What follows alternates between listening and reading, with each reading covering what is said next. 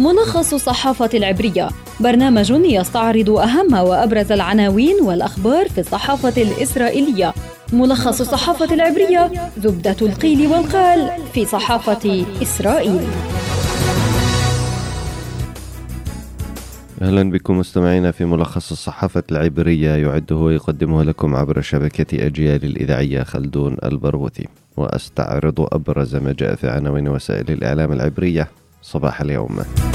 القناة الثانية عشرة تتحدث عن تقدم في التحقيقات في عمليتي التفجير في القدس ونشاط مكثف للشباك ووحدة يمام في المدينة.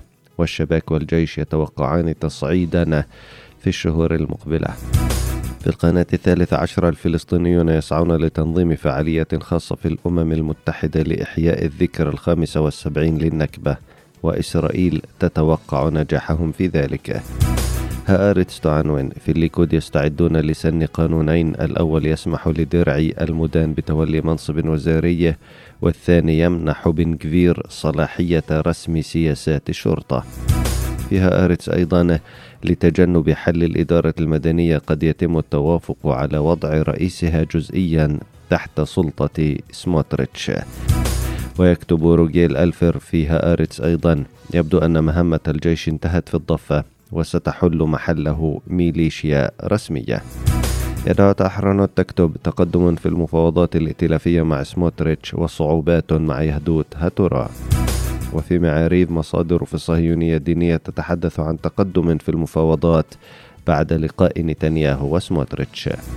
هيئة البث الإسرائيلية تكتب نتنياهو قد يطلب من الرئيس الإسرائيلي تمديد مدة تكليفه بتشكيل الحكومة.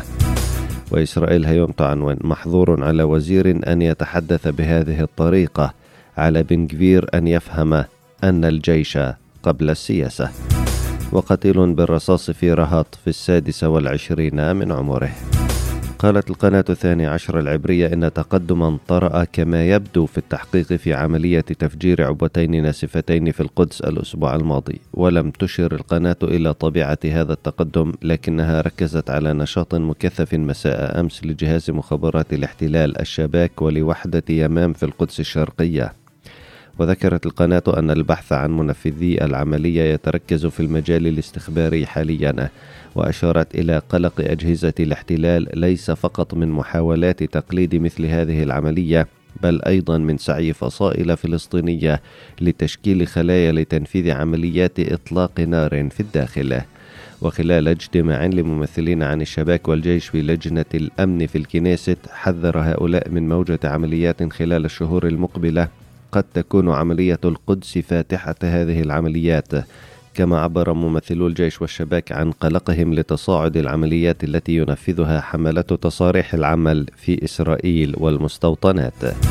وفيما يتعلق بجهود بنيامين نتنياهو لتشكيل الحكومة يبدو أن زعيم حزب الليكود سيطلب من الرئيس الإسرائيلي تمديد مدة التكليف بسبب العقبات التي يواجهها في المفاوضات الائتلافية مع الصهيونية الدينية ويهدوتها تراه. وتمكن نتنياهو من التوصل لاتفاقين مع عوتسما يهوديت ونوعام فقط حتى الآن ويخوض مفاوضات صعبة مع الصهيونية الدينية ويهدوت هتوراه فضلا عن محاولاته إرضاء قادة حزب الليكود. وحسب هآرتس فقد يتضمن اتفاق محتمل مع سموتريتش تراجع الأخير عن طلبه حل الإدارة المدنية مقابل إشراف سموتريتش على رئيسها في بعض الجوانب. فيها أرتس أيضا اعتبر الكاتب روجيل ألفر أن قضية الجندي الذي توعد المواطنين الفلسطينيين في الخليل بأن إتمار بن كفير سيأتي ليضبط الوضع هي نقطة تحول خطيرة ويقول ألفر إنه في السابق تنبأ بفوز ترامب وتصاعد الفاشية في إسرائيل وإلغاء محاكمة نتنياهو وتعميق دولة الأبارتهايد ثنائية القومية.